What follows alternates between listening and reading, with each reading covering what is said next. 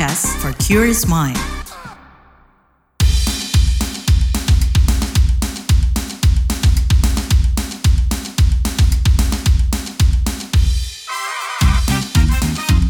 What's Trending KBR Pagi, siaran pagi radio paling update.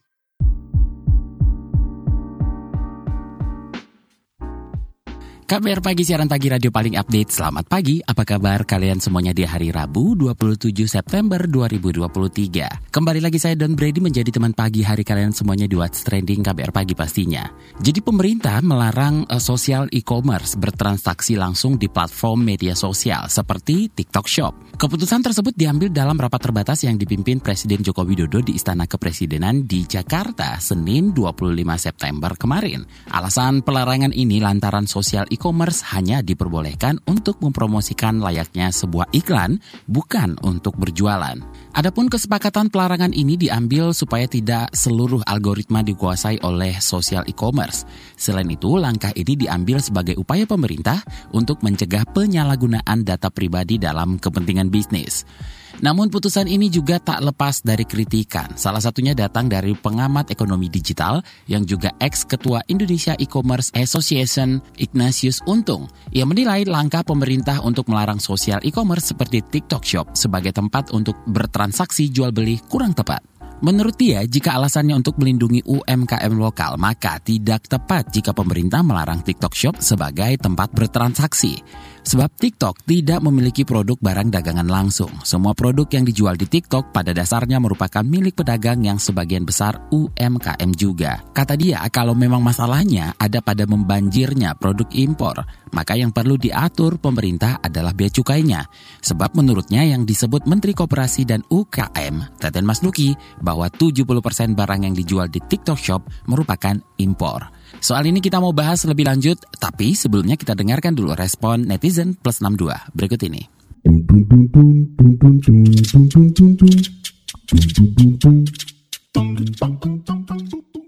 Yang pertama ada cuitan dari Ed ZanXX. Menyelamatkan ratusan pedagang Tanah Abang, tapi ada puluhan ribu pedagang kecil di luar sana yang maju karena TikTok Shop. Emang pemerintah ini suka caper sama warga dengan riding the wave sebuah isu at YRAXX. Buru-buru cek TikTok Shop sebelum ditutup, kali aja dapat diskon banyak. Mak-mak gak mau rugi. At Lord XX. Begini Pak, pasar besar seperti Tanah Abang perlu modal besar untuk ruko, barang dagang, dan lain-lain. TikTok Shop adalah solusi bagi mereka yang modal kecil. Mereka tidak perlu menyewa ruko dan dengan sedikit barang dagang mereka sudah bisa berjualan. Lalu at XX. Pak, regulasi untuk pedagang elektronik dan gadget tolong diatur. Harga kacau di pasaran. Harga modal kita jauh di atas harga jual mereka. Agen langsung dari pabrik yang jual online afiliator seperti artis-artis. Persaingan harga yang tidak sehat, Pak. At Ron XX.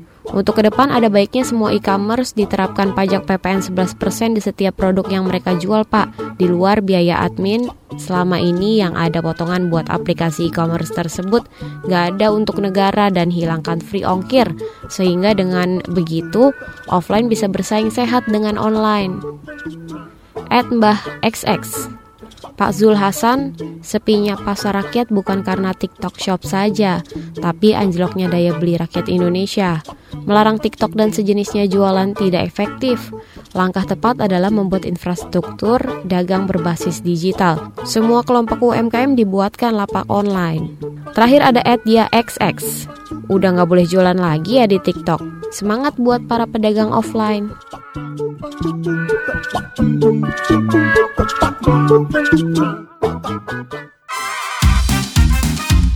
What's Trending KBR Pagi, siaran pagi radio paling update. Kita lanjutkan obrolan kita pagi ini. Jadi Presiden Joko Widodo menekankan bahwa payung besar regulasi terkait transformasi digital harus dibuat lebih holistis agar transformasi tersebut dapat menciptakan potensi baru dan tidak menggerus perekonomian yang sudah ada. Selain untuk mengantisipasi pesatnya kemajuan teknologi, regulasi ini juga diharapkan dapat menjadi payung hukum bagi industri yang terdampak seperti industri kreatif maupun usaha mikro kecil dan menengah. Berikut penuturannya di Senin lalu di Istana Negara. Oleh sebab itu, payung besar regulasi tentang transformasi digital ini memang harus dibuat dengan lebih holistik dari payungnya. Industri kreatif harus dipayungi, UMKM kita harus dipayungi dari terjangan dunia digital ini. Ini yang sedang dikerjakan oleh pemerintah. Tadi baru saja kita rapat terbatas memutuskan mengenai sosial media yang digunakan untuk e-commerce. Besok mungkin keluar. Karena dampaknya memang sangat dahsyat sekali. Kita terlambat hanya berapa bulan saja sudah efeknya ke mana-mana. Sekali lagi, payung besar regulasi tentang transformasi digital ini memang harus dibuat dengan lebih holistik dan ini sedang dikerjakan pemerintah agar perkembangan teknologi bisa yang kita harapkan yang diharapkan oleh masyarakat. Mestinya perkembangan teknologi itu bisa menciptakan potensi ekonomi baru bukan membunuh ekonomi yang sudah ada bukan menggerus ekonomi yang sudah ada. Usai rapat terbatas bersama Presiden Menteri Perdagangan Zulkifli Hasan menjelaskan bagaimana mengatur media sosial yang digunakan untuk perdagangan dengan merevisi peraturan Menteri Perdagangan tentang ketentuan perizinan usaha, periklanan, pembinaan, dan pengawasan pelaku usaha dalam perdagangan melalui sistem elektronik. Seperti apa? Berikut penjelasannya. Ada temanya mengenai uh, pengaturan perdagangan elektronik khususnya tadi kita bahas mengenai sosial sosial commerce. Sudah disepakati besok ini uh, Permendak revisi Permendak 50 2020 akan kita tanda tangani. Ini sudah dibahas berbulan-bulan sama Pak Teten. Ini saya diundang Pak Teten terus dengan ke Pak Teten juga dari Pak Budiari Kominfo juga tadi dan yang lain-lain juga sudah. Uh -uh. Yang pertama ya yang pertama nanti isinya social commerce itu hanya boleh memfasilitasi promosi barang atau jasa. Promosi barang jasa. Tidak boleh transaksi langsung, bayar langsung, nggak boleh lagi. Dia hanya boleh untuk promosi seperti seperti TV ya. TV kan iklan ya. boleh kan? Tapi TV kan jualan nggak bisa jualan, nggak bisa terima jualan. uang kan, nggak bisa. Jadi dia semacam platform digital gitu. Jadi tugasnya mempromosikan. Yang kedua tidak ada sosial media dan ini nggak ada kaitannya. Jadi dia, dia harus harus dipisah. Nah, sehingga uh, tidak algoritmanya itu ya tidak semua dikuasai dan ini mencegah penggunaan data pribadi uh, apa namanya? Untuk kepentingan bisnis gitu. Itu yang itu yang yang satu dan dua. Nah kemudian kita juga nanti tur yang boleh langsung nih. Kita sebut dulu negatif list sekarang kita sebut positif list. Yang boleh boleh ya kalau dulu negatif list negatif list itu semua boleh kecuali hmm. yang yang boleh yang lainnya tidak boleh. Gitu, diatur Misalnya batik, batik hmm, ini kan batik, oh iya masa hmm, mesti impor batik gitu. Ya, ya kira-kira seperti itu. Berikutnya yang tadi yang posisi yang barang dari luar itu harus sama perlakuannya dengan yang offline yang dalam, dalam negeri. Ya kalau makanan ada ada sertifikat halal, kalau beauty beauty itu ya beauty itu harus ada pomnya gitu, ya kan? Kalau nggak nanti yang jamin siapa? harus ada izin pom, ah, ada ada izin pomnya, Uh, kemudian kalau dia elektronik ada ada standarnya bahwa ini betul barangnya gitu. Jadi perlakuan sama dengan yang ada uh, di dalam negeri atau patent ya. Kemudian tiga nggak boleh bertindak sebagai produsen transaksi kalau impor kita satu transaksi 100 100 dolar minimal. Kira-kira itu teman-teman. Hmm, hmm. Sudah diputuskan hari ini mungkin sore sudah saya tandatangani hmm. revisi Permendak uh, 50 2020 menjadi Permendak berapa nanti hmm. tahun 2023 uh, uh, ya. Kalau ada melanggar seminggu ini tentu ada surat saya ke apa namanya ke Kemeninfo untuk memperingatkan. Hmm. Habis peringatan apa lagi tuh? Tutup. Oh, tutup. Hmm. Saya kira demikian. Ada yang ya. tanya? Ada yang tanya? Kalau ada tanda ini. Kita nggak pakai merek. Siapa saja? Siapa saja? Belum diatur. Ah, sekarang diatur. Sekarang diatur.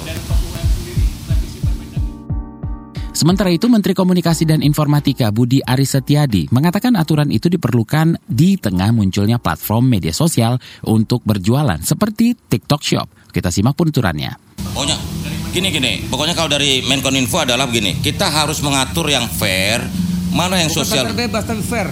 bukan lagi free free trade, perdagangan bebas, berupa perdagangan. Jadi bagus sosial media ini tidak tidak serta merta menjadi e-commerce karena apa? Karena ini algoritma nih. Gitu. Kita prinsipnya gini, negara harus hadir melindungi pelaku UMKM dalam negeri kita Yang fair. yang fair. Bukan jangan jangan jangan barang di sana dibanting harga murah kita kelenger gitu loh. Nah, kedua adalah bahwa kita tidak mau kedaulatan data kita Dipakai data-data kita ntar dipakai semena-mena. Kalau algoritmanya udah sosial media, nanti e-commerce, nanti fintech, nanti Pinjam uang. pinjaman online dan lain-lain. Ini kan semua semua platform ini kan akan ekspansi kan, berbagai jenis. Nah, itu harus kita atur. kata kita. Kita harus tata supaya jangan ada eh, monopoli monopolistik eh, organik gitu, alamiah. Sekarang nggak kita tata, eh tata dia semuanya dikontrol sama dia. Baik, Seperti itu. makasih Ya, Terima saya kasih. Newsbeat. Korea Utara pada awal pekan ini mengumumkan bahwa mereka telah mengizinkan warga negara asing memasuki negaranya untuk pertama kalinya sejak pandemi COVID-19. Melansir Antara, langkah itu diambil saat Pyongyang mulai kembali membuka perbatasannya setelah ditutup sejak awal 2020 akibat COVID-19. Meski begitu, warga negara asing yang memasuki Korea Utara akan diwajibkan menjalani karantina selama dua hari. Beberapa agen perjalanan Tiongkok yang mengatur perjalanan ke Korea Utara melaporkan pada Senin bahwa mereka belum menerima pemberitahuan mengenai izin bagi warga negara asing untuk memasuki negara tetangganya itu. Namun, pada 22 Agustus, maskapai penerbangan milik pemerintah Korea Utara Air Koryo sudah kembali membuka penerbangan penumpang internasional yang menghubungkan Pyongyang dan Beijing. Wali kota Derna, kota di Libya Timur ditahan bersama dengan pejabat lainnya karena dicurigai melakukan kesalahan pengelolaan dan kelalaian terkait runtuhnya bendungan yang membanjiri kota itu dua pekan lalu. Menurut kantor Kejaksaan Agung Libya yang bermarkas di ibu kota Tripoli, pihaknya telah mengeluarkan perintah untuk menahan delapan pejabat setempat terkait jebolnya bendungan akibat badai. Kejadian itu menimbulkan arus deras yang menyapu lingkungan sekitar hingga ke laut dan menewaskan ribuan orang. Mengutip Reuters, mereka yang ditahan termasuk wali kota dan seorang pejabat yang bertanggung jawab atas sumber daya air. Warga yang marah menyalahkan pihak berwenang atas runtuhnya bendungan yang dibangun untuk menahan aliran sungai musiman yang mengalir melalui kota. Pedoman anti-hoax yang diusulkan Indonesia menjadi salah satu dari tujuh capaian yang disepakati pada pertemuan tingkat Menteri Negara-Negara ASEAN yang bertanggung jawab di bidang informasi atau AMRI meeting di Da Nang, Vietnam pekan lalu. Salah satu dari ketujuh capaian tersebut adalah panduan atau pedoman bagi pemerintah untuk melawan serta memberantas berita-berita palsu dan disinformasi atau hoax, khususnya yang menyebar di media. Dalam pedoman yang berisi 8 kunci prioritas bagi pemerintah untuk memerangi hoax, salah satunya adalah deteksi dan diikuti langkah respon balik.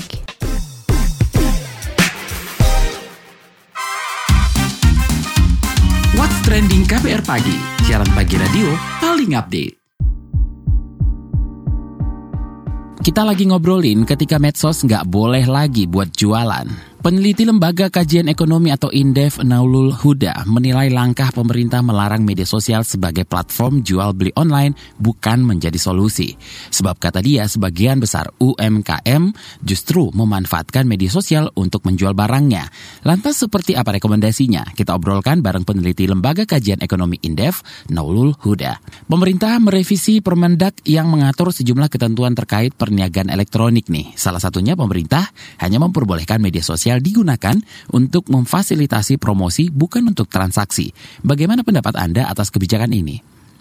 Ya, terkait sama pemisahan media sosial sama e-commerce, saya rasa sih sebenarnya itu bukan menjadi solusi yang efektif gitu kan. Karena apa? Karena gini, satu, pertama sebenarnya kan ketika itu dipisah pun, ya sama-sama under ByteDance, terus kemudian mereka juga bisa saling bertukar algoritma data gitu. Itu yang pertama. Nah, yang kedua adalah ini kan media sosial ini kan tempat interaksi antar individu kan. Dan interaksinya pun dia nggak dipatasin interaksi, mau interaksi tanya kabar, interaksi pekerjaan dan sebagainya, termasuk dia interaksi jual beli, itu kan. Makanya itu tidak bisa diawasi dengan sempurna pasti gitu kan. Walaupun kalau TikTok ini kan dia memfasilitasi ada menu shop di uh, aplikasinya gitu kan. Tapi tanpa menu itu pun sebenarnya sudah terjadi transaksi social commerce gitu. Nah makanya ini menurut saya pribadi sebenarnya bukan solusi yang efektif karena hal tersebut masih bisa berpotensi terjadi dan itu tidak mengubah dari perilaku dari TikToknya sendiri yang terasa yang kita atur harusnya itu adalah perilaku dari TikToknya bukan masalah mengenai ya pemisahan aplikasi dan sebagainya karena itu kan hal teknis ya sebenarnya. Apakah ada dampak dari pelarangan berjualan di media sosial? Antara manfaat dan mudarat ini besar mana? Media sosial ini berperan penting ya bagi penjualan untuk UMKM di mana 64 lebih 64 persen ya itu pelaku UMKM itu menggunakan sosial media untuk berjualan transaksi di situ dan sebagainya. Nah makanya ketika itu dihapuskan artinya adalah UMKM yang memang dia harusnya menggunakan media sosial dulu sebelum ke e-commerce yang dia akhirnya tidak menggunakan media sosial untuk ya dia menyejak ke digitalisasi yang lebih advance gitu. Nah ini yang sebenarnya saya e, bilang itu salah satu kerugiannya di situ. Walaupun mungkin ada dampaknya juga gitu kan. Dampaknya apa?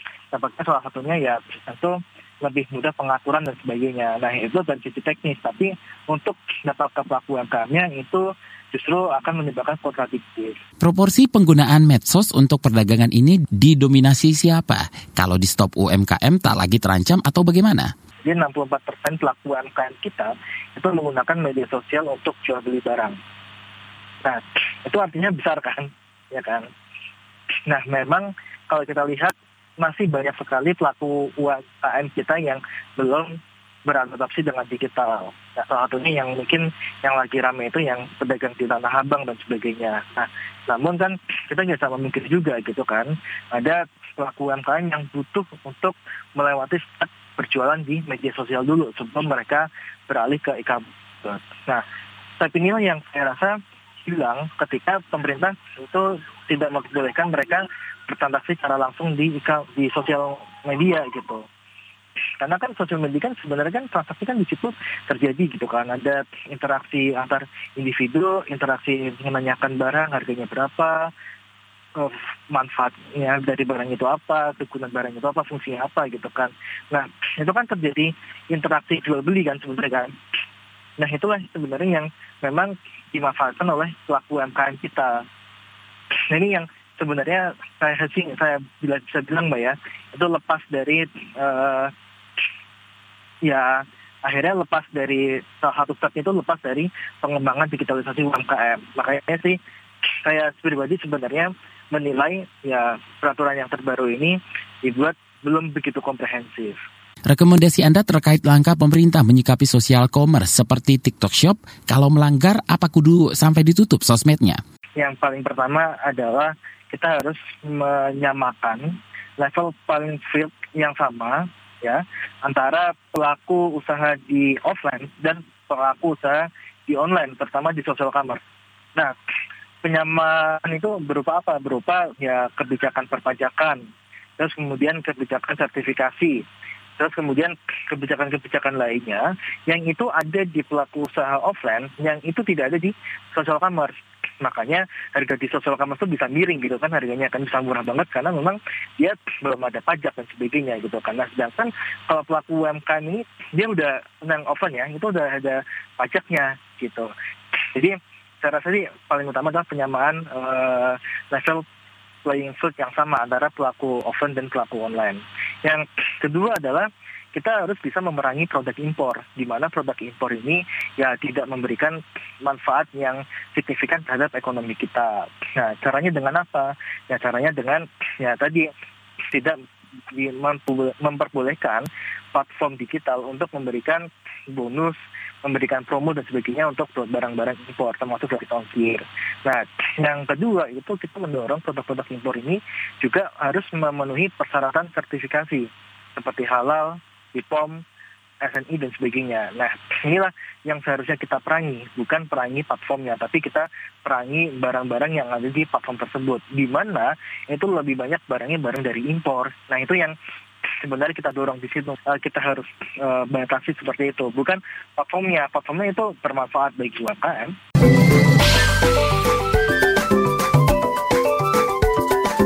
WhatsApp Indonesia. WhatsApp Indonesia dimulai dari Jawa Timur. Badan Urusan Logistik atau Bulog Banyuwangi Jawa Timur mendistribusikan beras impor dari Vietnam dan Thailand ke tiga daerah yang mengalami defisit beras. Kepala Bulog Banyuwangi Harisun mengatakan, ketiga daerah tersebut yaitu Bali, Nusa Tenggara Timur, dan Bondowoso, Jawa Timur. Untuk total beras impor yang dikirim ke tiga daerah itu mencapai 16.000 ton. Menurut Harisun, tujuan dikirimkannya 16.000 ton beras impor tersebut agar ketersediaan dan stok beras di seluruh wilayah Indonesia dalam kondisi aman dan tercukupi. Kata Harisun, Bali, NTT, dan Bondowoso merupakan tiga daerah yang mengalami defisit beras, sehingga pengiriman beras impor tersebut untuk pemerataan stok. Harisun menambahkan pengiriman beras untuk tiga daerah itu saat ini sedang berjalan – Pihaknya memang membutuhkan waktu lebih agar seluruhnya bisa terkirim sesuai kota yang ditentukan. Kita beralih ke Jakarta. Menteri Pendayagunaan Aparatur Negara dan Reformasi Birokrasi atau Menpan RB, Abdullah Aswar Anas, meminta pemerintah kabupaten atau kota untuk terus mengontrol Mall Pelayanan Publik atau MPP agar fungsi dan targetnya tercapai. Ia menyatakan kerap menerima laporan bahwa mal pelayanan publik sepi. Untuk itu, Anas mengatakan pihaknya akan terus mengecek seluruh MPP untuk memastikan kegiatan pelayanan publik berjalan dengan baik.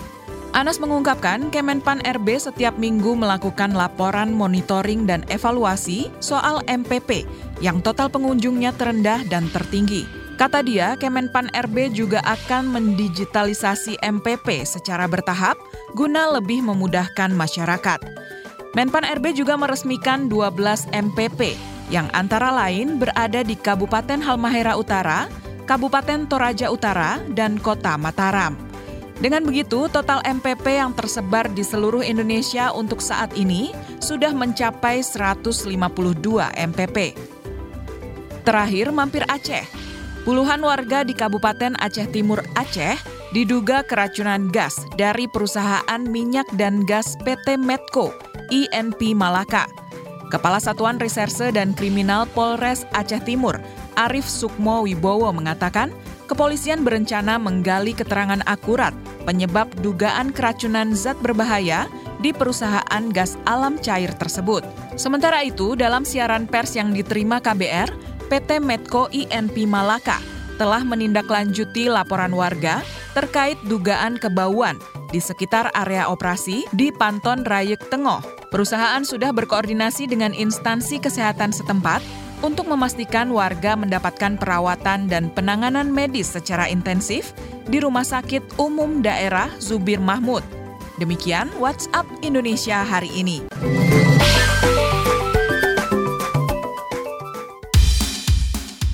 Terima kasih sudah mendengarkan What's Trending KBR Pagi. Tetap dengarkan podcast What's Trending di kbrprime.id. Dan ready pamit. Besok kita ketemu lagi. Stay safe. Bye-bye. What's Trending KBR Pagi. Siaran pagi radio paling update.